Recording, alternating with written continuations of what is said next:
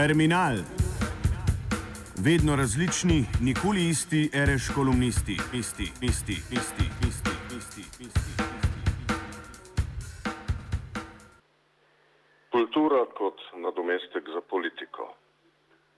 Nemški kulturni ponos, posebna nemška kulturna drža, je bila v zadnjih 200 letih pogostoma tako obsesivna, da je povsem zavrla razvoj nemške družbe. Wolf Lepenis v svoji srhljivi knjigi, polni navedkov o pompi in nadrobnosti, do obisti in bolečine razloži nemško specifiko. Delo Kultura in politika, zgodbe iz Nemčije, izšlo leta 2006, pa poda, in to je njegova vrhunska kvaliteta, predvsem implikacije za naše nevrotično obdobje. Slogovno gre pravzaprav za zbirko vinjeti zgodovine idej, ostro sporočilo, ki pravi, kaj vse se lahko pripeti, kadar je kultura priročen nadomestek za politiko, pa seveda daje predvsej misliti celotnemu Zahodu. Nemčija se od 18. stoletja sem razvije kot kulturnacion, v manjku političnih inštitucij nastanejo anomalije, med katerimi je nacionalsocializem samo najrazupitejša, dovolj dobro obdelana. Znano je namreč, da je Hitler do konca ustrajal v svojem položaju ranjene umetniške duše, ki jo je še med bombardiranjem Dresdna februarja leta 1945 veliko bolj prizadelo uničevanje nemške kulture in njenih spomenikov, kakor uničevanje ljudi in njihovih domovanj.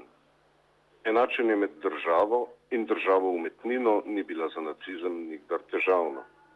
Še najtežje izkušnje s fronte so v aparatu vedno poudarjale kulturno komponento. Duhovna intima je zadržala svojo vrednost celo v najtežjih momentih. Nemška politika je osnovana z eno samo pesnitvijo. Celo Teodorju Adornu se je po vrnitvi v domovino, v domovino po padcu nacizma zapisalo, da se počuti, kot bi se vrnil v obdobje nemške romantike. Tomasa Mana so morali svojci in prijatelji prepričati, da kulturo očitno ne bo premagala nacizma in da bo treba od njega zbežati čim dlje. Nemška kultura se je rada dvignila tudi nad civilizacijo, ki naj bi bila nekaj prostaškega in banalnega, zlasti tista zahodna. Že Max Weber je, kar zadeva domovino, ugotavljal, da nemških kraljev in cesarjev za razloček od angliških in francoskih ni nihče nikdar obglavljal. Zanj je bil to temelj nemške tragičnosti. Nemško nezavedno je še leta 1989, novembra, ko je padel berlinski zid, pričakovalo več terorja, krvavo revolucijo, ne pa antiklimaks neke dovolj mirne kulturne združitve. Ko sta se Nemčiji spet združili, je pisatelj Arthur Miller, veliki poznavalec nemške kulture in politike, zapisal tole. Mar je Zvezdna republika Nemčija sposobna, da v glavah svojega prebivalstva zbudi zvišene demokratične misli, ali pa je demokracija kratko malo zadeva zgodovinskega komforta, ki so si ga zmislili tujci. Miller je prišel do sklepa, da republika pri Nemcih ne budi nikakršnih zvišenih misli, Za Nemce je v demokraciji premalo substance, v demokraciji je nekaj umetnega. Kakor je Millerju prešepnil neki nemški prijatelj, se pri Nemcih, kadar je treba družno graditi svobodno družbo, zagotovo ne gre zanašati na civilne instinkte. Za ameriškega opazovalca je Nemčiji leta 1989 še zmeraj manjkal ljudski bes, Kakor ga ni bilo po padcu nacizma, tako je tudi leta 1989 manjkalo poglavje resnične revolucije, kakršno je denimo imela Francija leta 1789. Antipolitičen značaj nemške kulture se je združitvijo sicer popravil in daje neko upanje za prihodnost, to da francoski posmeh ni umankal niti v tem primeru. Za Robespiera revolucija ni imela teritorijalnih meja.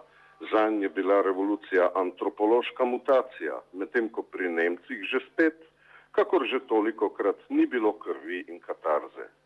Nemška travma, da se je do obeh rajhov in obeh republik dokopala predvsem s kulturo, ne pa s političnimi dejanji, ostaja moment, ki je za Lepenisa ključnega pomena. Nemška kultura je nekakšno bogoslužje brez Boga.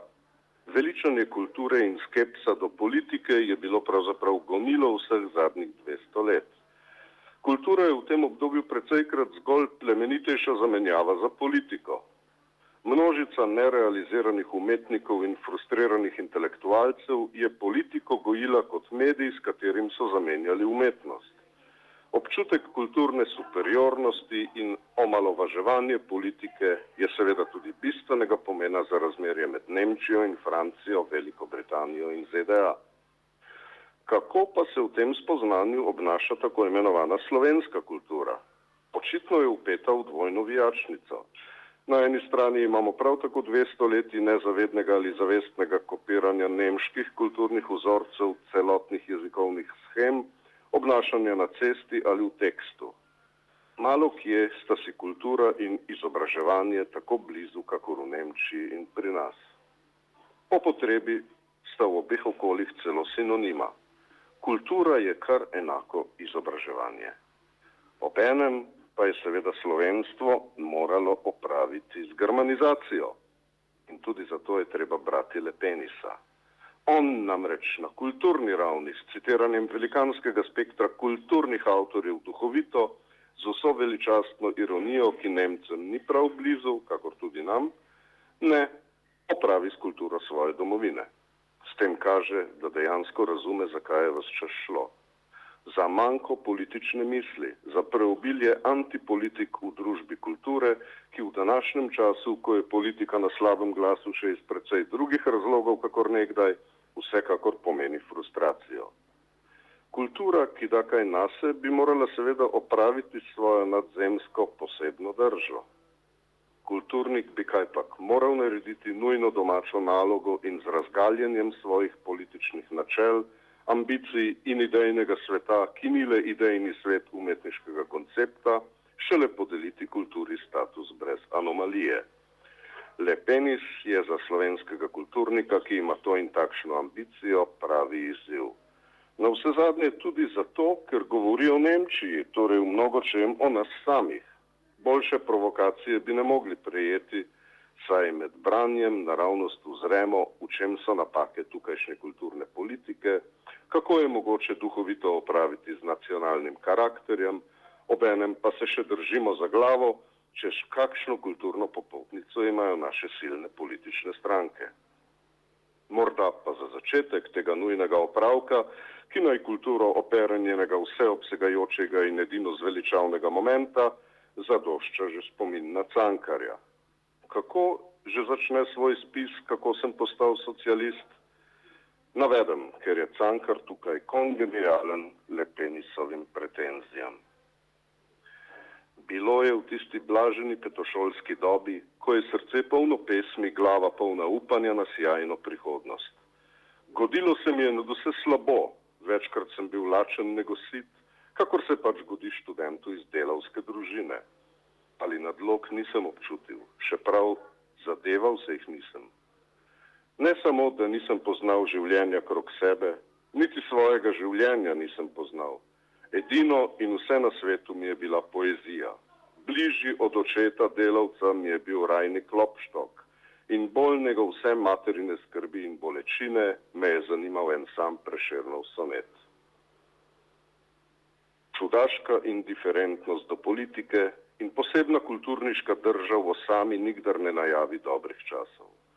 Zanesenjak v duhovni intimi se namreč prej ali slej, kot nas uči zadnjih nemških 200 let, najde v svetu, ko je javnost že docela spraznjena in ko je edina preostala kultura, kultura nove oblastne drže.